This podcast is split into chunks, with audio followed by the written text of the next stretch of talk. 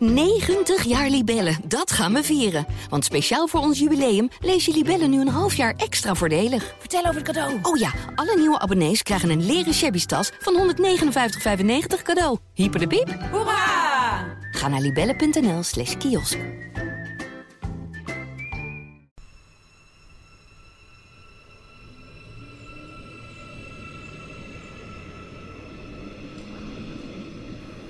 Ben zojuist uit de trein gestapt op station Emmen-Zuid. En ik uh, klink misschien een beetje schor en nasaal, want ik ben uh, verkouden. Dat is een kleine waarschuwing. Uh, Sarah komt me straks ophalen hier op het station. Die gaat me vandaag haar verhaal vertellen. En um, ja, het is bijna niet voor te stellen, want Sarah is een hele positieve, vrolijke, levenslustige vrouw. Uh, maar een kleine tien jaar geleden had zij een euthanasieverklaring klaar liggen, omdat ze dacht: ja, zoals ik me nu voel, zoals het nu met me gaat, wil ik eigenlijk uh, niet verder leven. En toen gebeurde er uh, ja, wat je eigenlijk wel een klein wonder mag noemen. Um, daar gaat ze me over vertellen vandaag. Stel, je maakt iets mee. Iets wat je in films ziet, zo heftig. Maar je bent er nog. En hoe? Hey Eva. Hi. Dankjewel. Ik ben Eva Munnik en voor deze Flair-podcast zoek ik telkens een vrouw op met een bijzonder verhaal. Wat maakte ze mee? En vooral, hoe kwam ze er doorheen? Wat is haar geheim tot geluk? Dit is Eva Belt aan.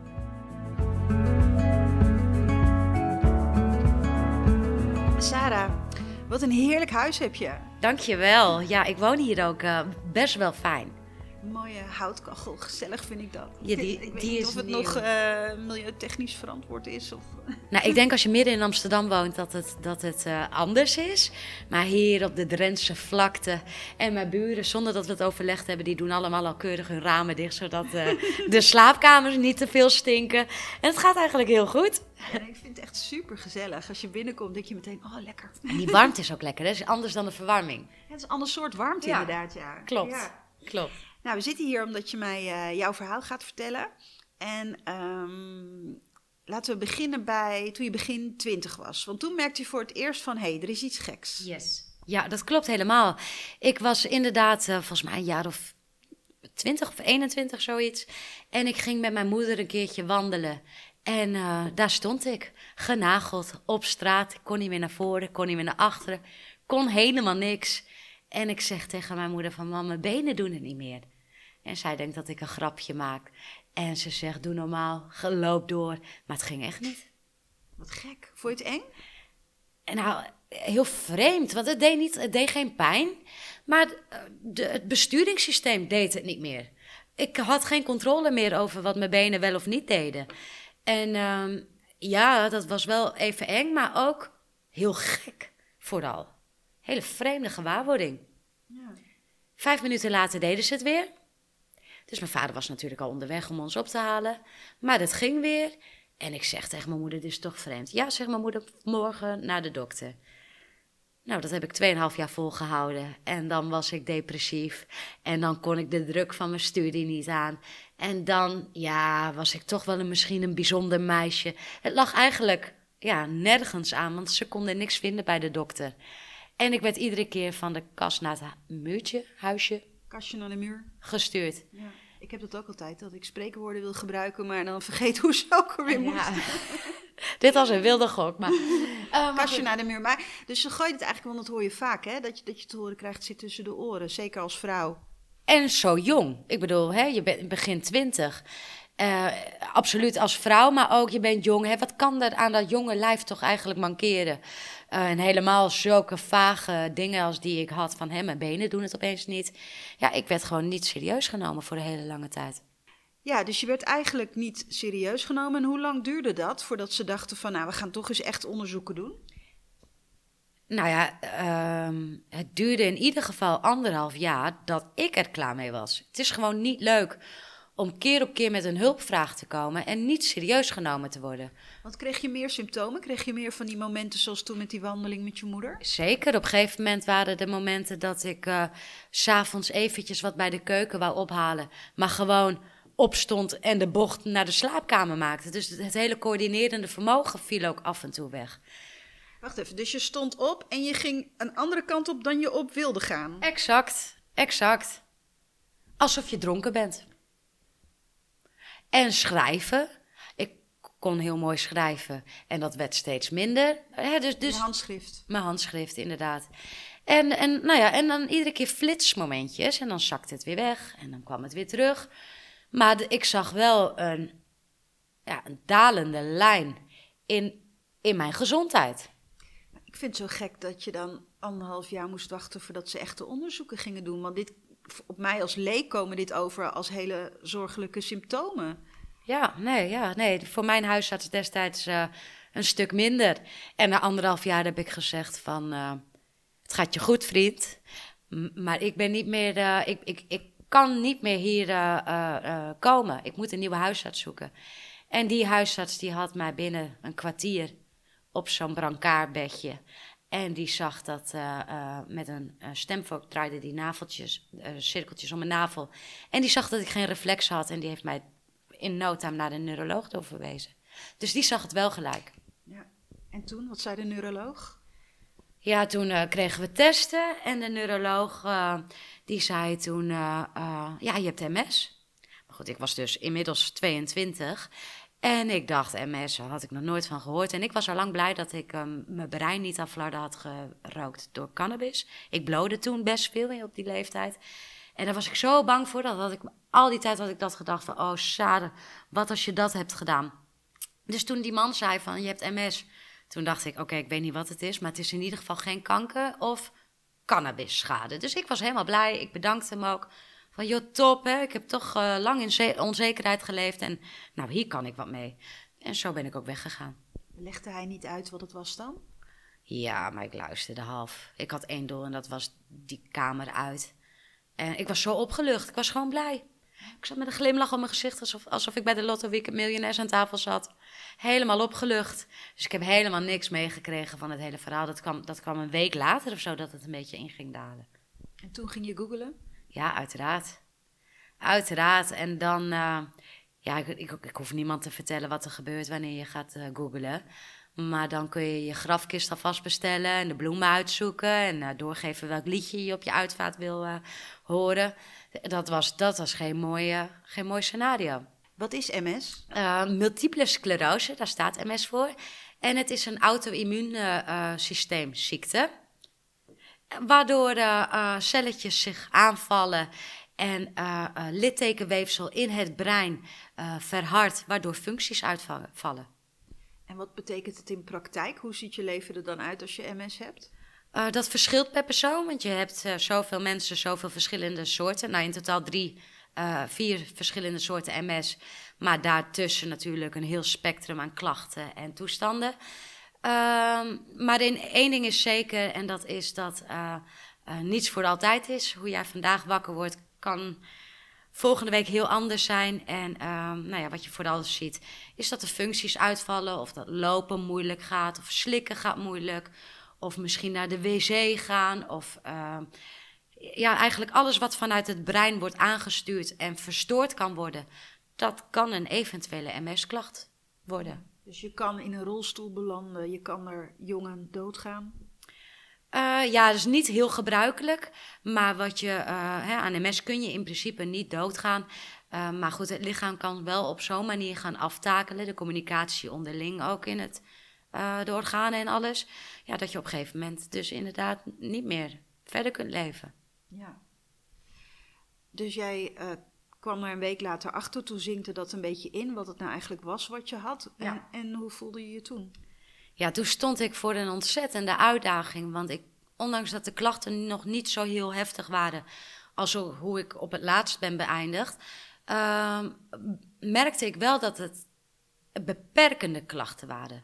Dat ik aan mensen moest vragen of ze rekening met me zouden gaan houden. Als we gingen stappen, moest ik mijn vriendinnen vragen van... joh, hou even rekening met me, ik kan niet zo lang staan. Of als ik met Pim, mijn man, ging winkelen... dan uh, uh, joh, moesten we ook even uh, stoppen, want ik hield het niet voor. Dus ik besefte dat dat een nieuwe afslag in mijn leven was. Dat ik ja, eigenlijk werd uitgedaagd om de dingen echt anders te gaan zien. Ja. We horen een beetje boren bij de buren. Je zei al, ze zijn aan het verbouwen, dat kan komen. Ik weet niet of je het heel duidelijk hoort, of volgens mij valt het wel mee. Maar ik denk, benoem het even. We horen af en toe een klein beetje boren op de achtergrond. Um, ja, en misschien kan je omschrijven wat voor een begin twintiger jij was. Want je, je, je, was en bent volgens mij juist een hele ondernemende, levendige uh, vrouw. Ja, ik vond mezelf uh, als twintiger een absolute rockster. Ik, uh, ik hield van, ja, van wild, woest, veel, geen grenzen. eigenlijk gewoon het leven als twintiger helemaal helemaal bond maken gewoon. Ja, geef eens voorbeelden van wat voor gekke outrageous dingen je deed dan. Ja, gewoon op willekeurige momenten in de auto stappen. Um, en drie dagen later terugkomen. Um, Waar ging je dan heen, drie dagen? Uh, naar Parijs. Of, of, of gewoon naar Amsterdam. Of ja, eigenlijk gewoon wat, wat er in me opkomt, dat deed ik. Ik had geen rem en ik was super impulsief. En overal wel voorin. Ja, dus dat ging niet zo goed samen met MS. Ja, ik heb heel lang heb ik gedacht van, uh, jongens, dit is een mindset en we laten ons niet kisten. Um, um, maar dat gaat natuurlijk niet. Op een gegeven moment word je dus gewoon keihard op de, op de rem getrapt. En, uh, en moet je pas op de plaats maken. En ja, dus ook ik. Heel gefrustreerd en heel teleurgesteld. En ook boos. Hè? Wie had ik wat misdaan en, en waarom ik? En, en doe dat dan uh, bij een suf iemand en niet bij mij. En, ja, maar goed, dat is wel gewoon hoe het leven zich dan voorschotelt. En daar moet je het maar mee gaan doen. Ja. Want je kreeg geen medicijnen of behandeling, er was niks om het te onderdrukken? Of... Jawel, die waren er wel, een heel scala. Waar had ik geen idee, ik moest gewoon maar wat uitkiezen. Op recept van de neuroloog, want die heeft daar dan zoveel verstand van. En uh, al heel snel moest ik mezelf elke dag prikken. Dan in mijn been, dan in mijn buik, dan in mijn kont. Die prikken die werden harde plekken, deuken in mijn benen. En de, ja, dus ja, en het, en het heeft zeker vertraagd. Ik bedoel, um, ja, dat weet ik eigenlijk niet. Maar ik denk dat het tien jaar lang wel uh, een rem op mijn ziekte heeft gebracht. En eens in de zoveel tijd, dan kreeg ik een soep en dat is een opvlamming. Hè? Dan, dan valt alles weer uit en dan wordt het helemaal helemaal bad. En dan kreeg ik een prednisonkuur en dan moet je dan voor naar het ziekenhuis. Dus eigenlijk vanaf het moment dat ik ziek ben geworden, ben ik ook gewoon een patiënt geworden. Ja. En heb je dan het gevoel dat je in je twintiger jaren, toen de ziekte nog niet zo uh, heel heftig uh, was, dat je dan wel een beetje het leven kon leiden wat je wilde? Of had het toch wel een heel erge impact? Ja, nou ja, goed, tot op zekere hoogte wel. Kijk, ik, ik beukte wel door. Ik deed alsnog wel wat ik wou, maar ik werd gewoon op de rem getrapt. En ook het studeren, um, uh, of naar school te gaan toen nog, um, ja, da daar moest ik rekening mee houden. Ik kon niet zoveel lezen achter elkaar. Ik kon niet op en neer naar Groningen elke dag. Ik moest gewoon, ja, ook dat aangepast, ja, een plek geven. Kon je dat accepteren? Ja, dat, ik denk dat dat wel zeven jaar van mijn leven heeft geduurd voordat ik dat kon. En uh, dus nee, ik kon het niet accepteren, maar ik zag wel heel snel in dat het is of knakken of buigen, een van die twee dingen. En toen dacht ik van nou, dan buig ik maar. Ja. En op een gegeven moment werd het erger, hè? Het werd uh, inderdaad erger. Um, ja, op een gegeven moment, um, hè, dat e-, eens in de zoveel tijd dat mijn benen en niet deden, dat werd gewoon chronisch. Mijn benen deden het eigenlijk nooit. Um, ik had inmiddels heel veel zenuwpijn. En dat hield me echt ook gewoon gillend gek van de pijn thuis. Ik wat, wat is zenuwpijn? Kun je dat omschrijven? is uh, ja, een brandende pijn. Ik denk dat iedereen dat anders ervaart. Ik bedoel, dit is super objectief. Wat is zenuwpijn? Subjectief. Of ja, dat bedoel ik. Sub subjectief. Uh, hè? Dus, um, um, maar ik, voor mij was het als, als brandende naaldjes in mijn benen. Soms ook gewoon alsof ik lava door mijn aderen had. Het, het brandde gewoon heel erg. Dat klinkt heel naar. Het, ik vond het ook echt heel naar. Ja, nou en op een gegeven moment uh, dus hè, volledig rolstoelafhankelijk. Toen kwam zelfs de dag dat ik niet meer, um, überhaupt niet meer kon studeren. Toen was ik dus 100% afgekeurd. Wat studeerde je? Uh, psych psychologie. En uh, oh, in, in, mijn masterjaren kon ik het niet meer bolwerken en ben ik gestopt. En toen werd mijn leven werd, uh, bed, bed, bank, bank, bed. Eh, de thuiszorg die kwam 's ochtends mij wassen, mij aankleden, mijn broodjes smeren. Eh, ja, toen was ik dus op mijn 33ste totaal invalide. En heb ik toen een euthanasieverklaring getekend. Als dit het leven is, dan niet voor mij. Nee, op zo'n manier, dat was voor jou niet geen optie. Nee, absoluut niet. Nee, ik kon dat gewoon niet aan. En op dat moment, wanneer je eigenlijk denkt van jongens, dit is het. Dan komt er toch iets in je op als mens wat zegt, het kan godverdomme toch niet waar zijn dat ik 33 ben. En dat het voor mij hier stopt, dat, dat dit het is. En, Dan komt je en hondje. daar komt ze, daar komt ze. Ze was Ze heeft heel zich- hard aan het blaffen toen ik binnenkwam, maar daarna was ze heel lang Ze heeft rustig zich stil. heel lang netjes gehouden, maar nu zie ik dat ze wat begint te bekokstoven. Jetje, kom maar. Kunnen we nog zo rustig even blijven? Nou, ik hoor nog niks, dus we gaan lekker door. Jetje houdt zich stil. Nou goed, hè, eh, ik eh, besluit eh, dat als het veel erger dan dat wordt, dat het voor mij niet meer hoeft. En op dat moment eh, ehm, ja, krijg ik ook de impuls van het kan niet waar zijn, er moet toch een mogelijkheid zijn. Ga ik googlen weer en vind ik dit maar een, een behandeling in Moskou in Rusland, waarvan ik denk van hé hey jongens, dit zou wel eens wat voor mij kunnen zijn. Wat voor behandeling? Een stamceltransplantatie. Eh, waarmee ze dus, eh, is een behandeling waarmee ze dus met chemotherapie je hele immuunsysteem platleggen. Daarvoor hebben ze je stamcellen uit je bloed gehaald. Die vriezen ze in. En wanneer je dus geen immuunsysteem meer hebt, krijg je je stamcellen terug. En dat bouwt zich dus een nieuw immuunsysteem zonder MS. Maar waarom doen ze dat niet in Nederland? Ja, dat is, dat is mij ook een raadsel. Ik heb geen idee. Is inmiddels is daar, ehm, ehm, is daar ook veel gebeurd. Dus ook in Nederland gaan ze het doen. Alleen ja, alles duurt lang en het moet allemaal nog door 70 lagen goedgekeurd worden. En niet voor iedereen is het geschikt. En ik had gewoon de tijd niet om, het daar, om daarop te wachten. Ik moest gewoon direct handelen. En ik had een goed gevoel bij, eh, bij, Mos bij Moskou. Ja, want in Moskou deden ze het dus al. Eh, en vond je dat niet ook een beetje eng? Dat je denkt, naar Moskou, en ehm, is dat wel veilig en betrouwbaar? Ja, Moskou heeft, ehm, denk ik, nu is alles anders natuurlijk hè, door de oorlog. Maar ook daarvoor, mensen denken nog heel vaak dat Moskou, dat, dat krijgen nog helemaal van die Sovjet-vibes daarvan. Maar Moskou is gewoon een wereldstad met eh, hele intelligente eh, eh, ehm, doktoren. En weet je, alles is daar in Moskou. Ja, ik, dat bedoel ik ook niet zozeer hoor, dat ik denk van het is een derde wereldland of zo. Ik weet dat dat niet zo is, maar het is natuurlijk vreemd. Je kent het niet, je kent de taal niet, je kent je dokters niet. Het, hè? Maar jij hebt onderzoek gedaan. Ja, en ik had niks te verliezen. Dat moet je ook niet vergeten. Ik moest gewoon eh, iets, iets, iets ondernemen. En dat was een keuze. En ik vond juist die hele Moskouse gang van zaken, hoe ik dat had bedacht.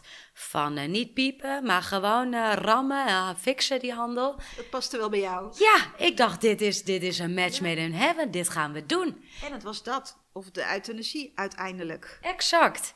Dus ik was helemaal ready. Of helemaal ready, dat, dit is super stoel praten hoor. Dit is helemaal niet waar, Maar je had er zin in. Ik, nou ja, goed, ik, ik had er vertrouwen in. Ja. En dat was genoeg om dit hele zware traject eh, ehm, tot stand te brengen. Maar werd het voor goed? Absoluut niet. En het kost? 65.000 euro moest ik bij elkaar eh, sprokkelen. Jeetje, had je dat? Nee, natuurlijk niet. Nee, absoluut niet eens een beetje. Nee, dat heb ik in drie maanden tijd heb ik de wereld op mijn manier op zijn kop gezet. En eh, zijn we gaan crowdfunden. En toen moest het op die manier maar gebeuren. En hoe heb je die mensen zover gekregen om te doneren? Want jij bent er ook echt voor op pad gegaan, hè? Ja, niet normaal. En ik was toen echt super zwak, hè?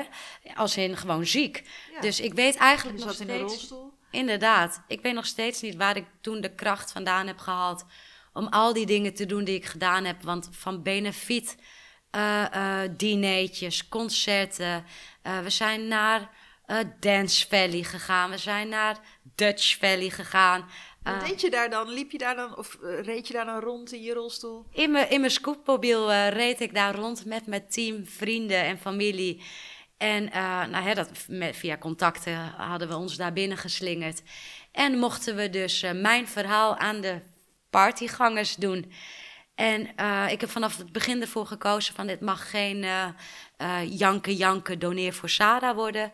Het moet een energieke crowdfunding worden. Mensen moeten me teruggeven wat, wat, wat ik in me heb. Hè, mijn bruisende leven. Dus op die manier ben ik het ook aangevlogen. En ik merkte dat dat voor mij gewoon heel goed werkte. Dat het mensen enthousiasmeerde om mij te helpen. Om mij weer een nieuwe toekomst te geven. Voelde je je ook een beetje bezwaard om dat geld te vragen? Tuurlijk. In het begin voelde ik mij een bedelaar. Een, een, een, een, een siske, de rat. Ik vond het verschrikkelijk. Schaamde me ook kapot. Maar goed, weet je, je, er is geen optie. Ik bedoel, ja, een nieuwe hypotheek afsluiten, maar kom op, zegt. Laten we eerst dit proberen en dan dat. En op een gegeven moment um, merkte ik ook, en dat is wel iets wat ik voor de rest van mijn leven mee ga nemen, dat mensen in essentie niks liever doen dan elkaar helpen. En de ene met een euro, de ander met duizend. De ene met het haken van armbandjes, de ander met het eh, maken van, van sleutelhangertjes. I don't care. Maar als iemand iets kan doen om een ander te helpen, dan heb ik gemerkt dat duizenden het heel graag deden.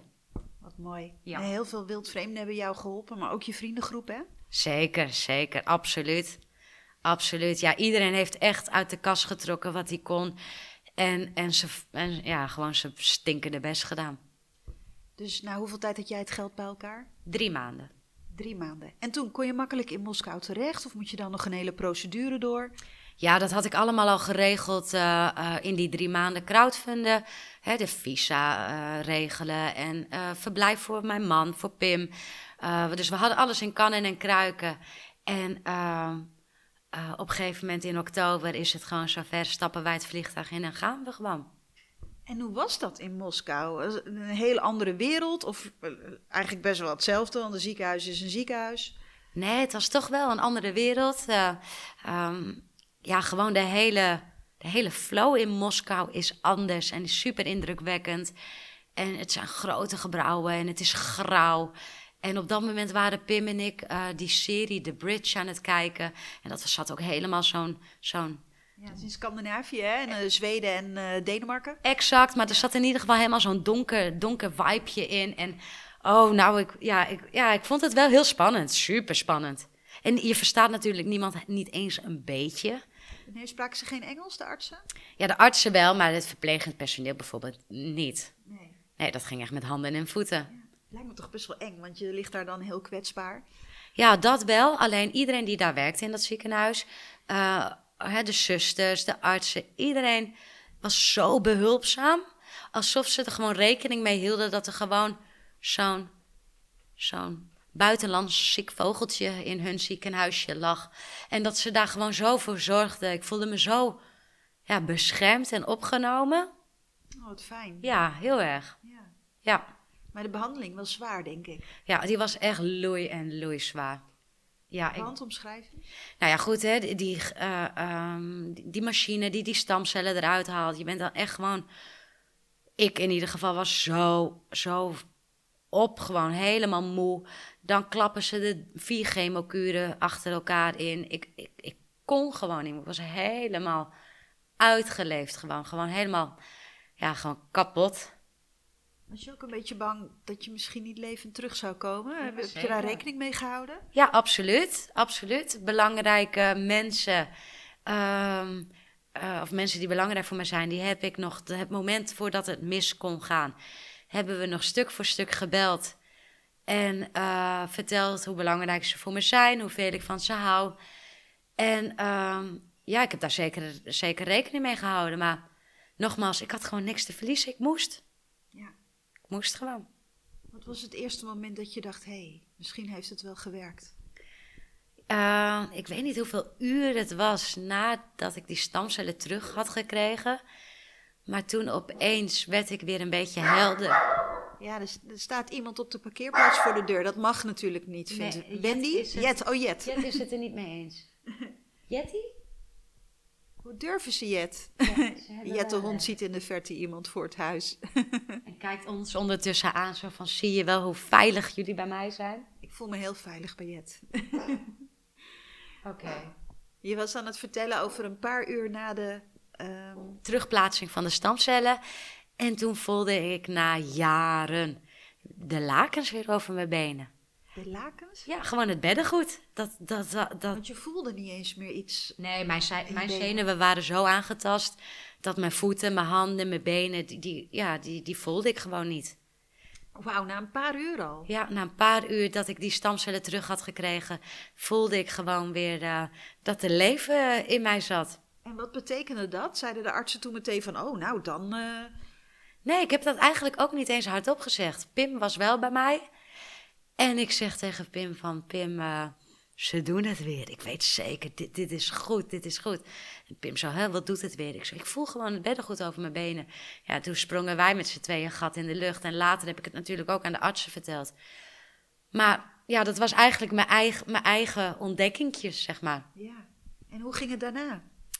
Ja, ik was nog steeds super zwak natuurlijk, want eh, ehm, ook mijn immuunsysteem was, was echt nog shit, zeg maar. Ehm, dus ik ben heel lang ziek geweest, ook bij terugkomst. eh, na vijf weken mocht ik naar huis. En, ehm, en bij terugkomst moest ik drie maanden in isolatie eh, zitten hier thuis. Dus we hadden een bed en alles was hier thuis. Nou, en echt na twee, drie maanden begon ik een beetje weer op te krabbelen. Maar al met al heeft het zeker wel een jaar geduurd voordat ik weer ja, echt back on track was. Ja. Je kwam er een stuk beter uit dan daarvoor, hè? Mm, Dat is echt een wereld van verschil. Ik ben eh, eh, weggegaan naar Moskou. Nou ja, wat ik net ook al zeg, zei, als, als een invalide musje. En eh, nu, het is inmiddels vier jaar geleden, ik sport drie keer per week. Ik wandel kilometers, 10, 20 als het nodig is. Ik doe gewoon al. Ik weet niet eens meer dat ik ooit ziek ben geweest in die zin. Ik voel het niet meer. Die rolstoel is weg. Ja, joh, die is, die is weg. Maar het- ik ben zelfs zo ver dat ik ehm, eigenlijk... Hè, ik vertelde je net dat het me zo lang heeft gekost om te accepteren dat ik ziek was. Dat dat mijn nieuwe leven was. En nu zit ik vol in de, in de modus om te accepteren dat ik er weer ben. Dat ik weer een gezond, functionerend mens ben. Ja. Is dat dan ook weer even wennen? Niet te doen. Ik denk dat dat zelfs de moeilijkste, de zwaarste stap is van dit heel proces. Oh ja? Ja. Leg dat eens uit. ja, ik zit er middenin en ehm, ik vind het zo moeilijk om weer opnieuw te vertrouwen op mijn lijf, maar ook op wie ben ik nu. Ehm, ik heb geen carrière opgebouwd. Ehm, ik, ik, ik heb geen werkend verleden. Ik heb al die jaren me neergelegd bij het feit dat dit mijn leven is. Dus, dus en nu dan? Wat, wat, wat wil ik? Wat, wat moet er nu gebeuren? En ik heb van alles geprobeerd, maar ik, ik merk dat het nu mijn tijd is om bij mezelf thuis te komen en ja, te overzien wat, wat, wat mij allemaal is gebeurd. En dat het eigenlijk gewoon een freaking miracle is dat, dat ik hier nu zo zit. Ja. Dat heeft tijd nodig. ja. Je bent wel begonnen met iets wat ik heel eh, waardevol en bijzonder vind, namelijk, eh, hoe noem je het? Kick-ass medische hulpmiddelen. Ja, dat is natuurlijk al die jaren een doorn in mijn oog geweest. Ik bedoel, het kan niet. Het kan gewoon niet lelijker dan, eh, dan dat het hier in Nederland, eigenlijk in de hele wereld wel is. Eh, hulpmiddelen, daar waar ze je moeten helpen, vind ik dat ze je trap nageven op hun looks. Ik vind het niet empowerend, ik vind het niet stimulerend. Ik vind het gewoon, ja, gewoon schaamtelijk hoe, hoe dat speel eruit ziet. Geef eens een voorbeeld. Eh, die Bordeaux rode rollator van je oma van 96. Wat super, super chill voor haar is. Dat het niet opvalt en dat het, dat het hè, nou ja, zo wegmoffelt in de menigte. Maar voor een jonge meid of een jonge gozer. En wat is jong tegenwoordig? Ik bedoel, hè, toen voor mij 20. Maar ik ben nu net 40 geworden en ik, ik wil het nog steeds niet. Eh, ja, ik vind dat dat gewoon echt anders moet. Geef nog eens wat voorbeelden dan van wat er niet uitziet, wat gewoon niet toegespitst is, opdat ook jongere mensen die nodig kunnen hebben. Uh, door nummer twee in mijn oog uh, is het stoma-zakje. Nu heb ik zelf uh, nooit een stoma gehad, maar wel ik ken veel mensen die dat wel um, nodig hebben. En dat is gewoon een huidskleur onder aanhalingstekens. Want hè, welke huid is nou huid?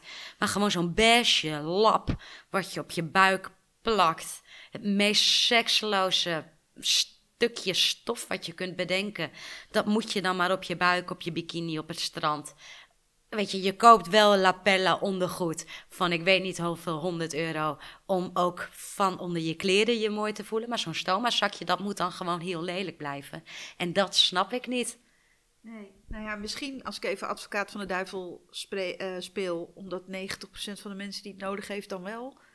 Maar ja, dat mag geen excuus zijn. Maar wat, wat maak je zin eens af? Dat 90%? Dat nodig hebben? Of zijn er juist heel veel jonge mensen die dat ook nodig hebben? Er zijn ontzettend veel jonge mensen. Er is een hele grote community aan uh, stoma gebruikende vrouwen en mannen. Uh, Hema heeft laatst een poging gedaan om een dame eh, ehm, in het blaadje te zetten met een stoma-zakje. En toen ging ook de hele community los. Zo van, ja jongens, dit is de aandacht die we willen. Maar uh, de fabrikanten pakken het niet op. Het zal wel te veel geld kosten en te weinig opleveren. Mm. Maar ik vind gewoon dat daar een movement moet komen. Ja. Want dat doet psychisch ook wat met je als je aangewezen bent op zo'n stomme rollator of zo'n lelijk stoma-zakje. Ja, en die rollator is niet stom en dat stoma-zakje ook niet, want dit zijn lifesavers. Dat is geweldig dat dat er is. Maar uh, je moet het vergelijken met een bril. Ik bedoel, in 1500, als je een bril kreeg, kon je blij zijn dat je er doorheen kon, kon kijken, dat je de lettertjes weer kon lezen. Maar vandaag de dag dragen zelfs mensen die niet eens een bril nodig hebben, dragen een bril voor de looks.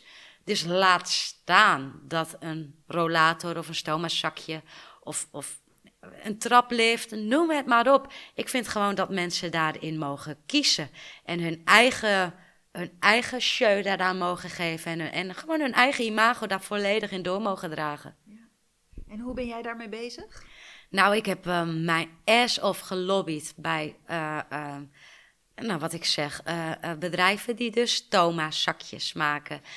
bedrijven die rollators, trapliften, allemaal.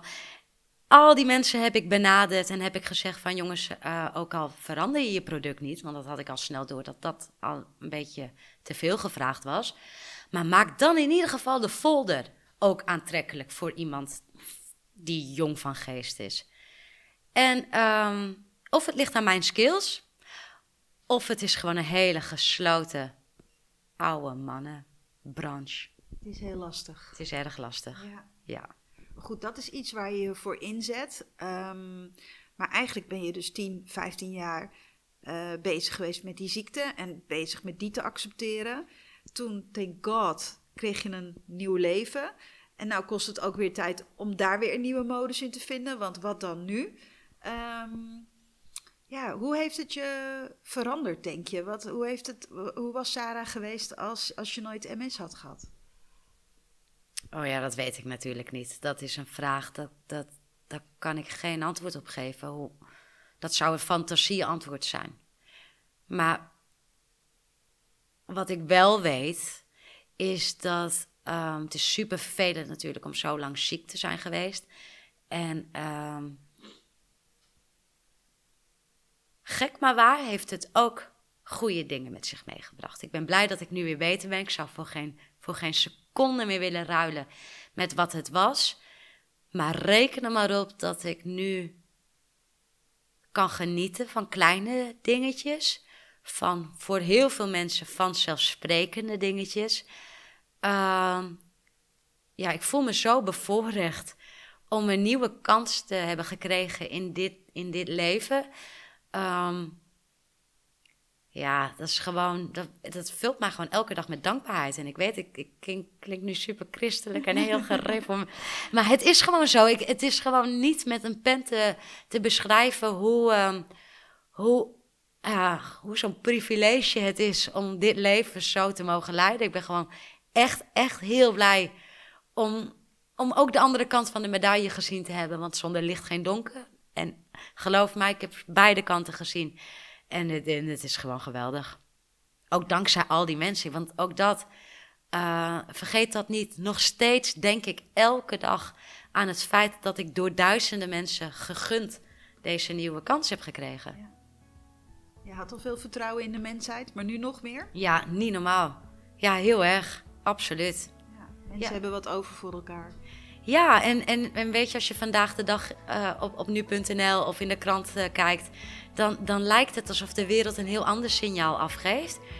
Maar eigenlijk denk ik dat je daar doorheen moet prikken en dat je eh, dicht bij jezelf, in je eigen omgeving, um, eens moet proberen om het uit een andere, vanuit een andere bril te kijken. En dan zul je versteld staan hoeveel liefde en hoeveel, hoeveel potentie we nog hebben met z'n allen. Dankjewel. Ik wens jou nog heel veel geluk in je verdere leven. Ik twijfel er niet aan dat je dat zult hebben. Dankjewel. Ik ga mijn, ik ga mijn stinkende best doen en er heel erg van genieten.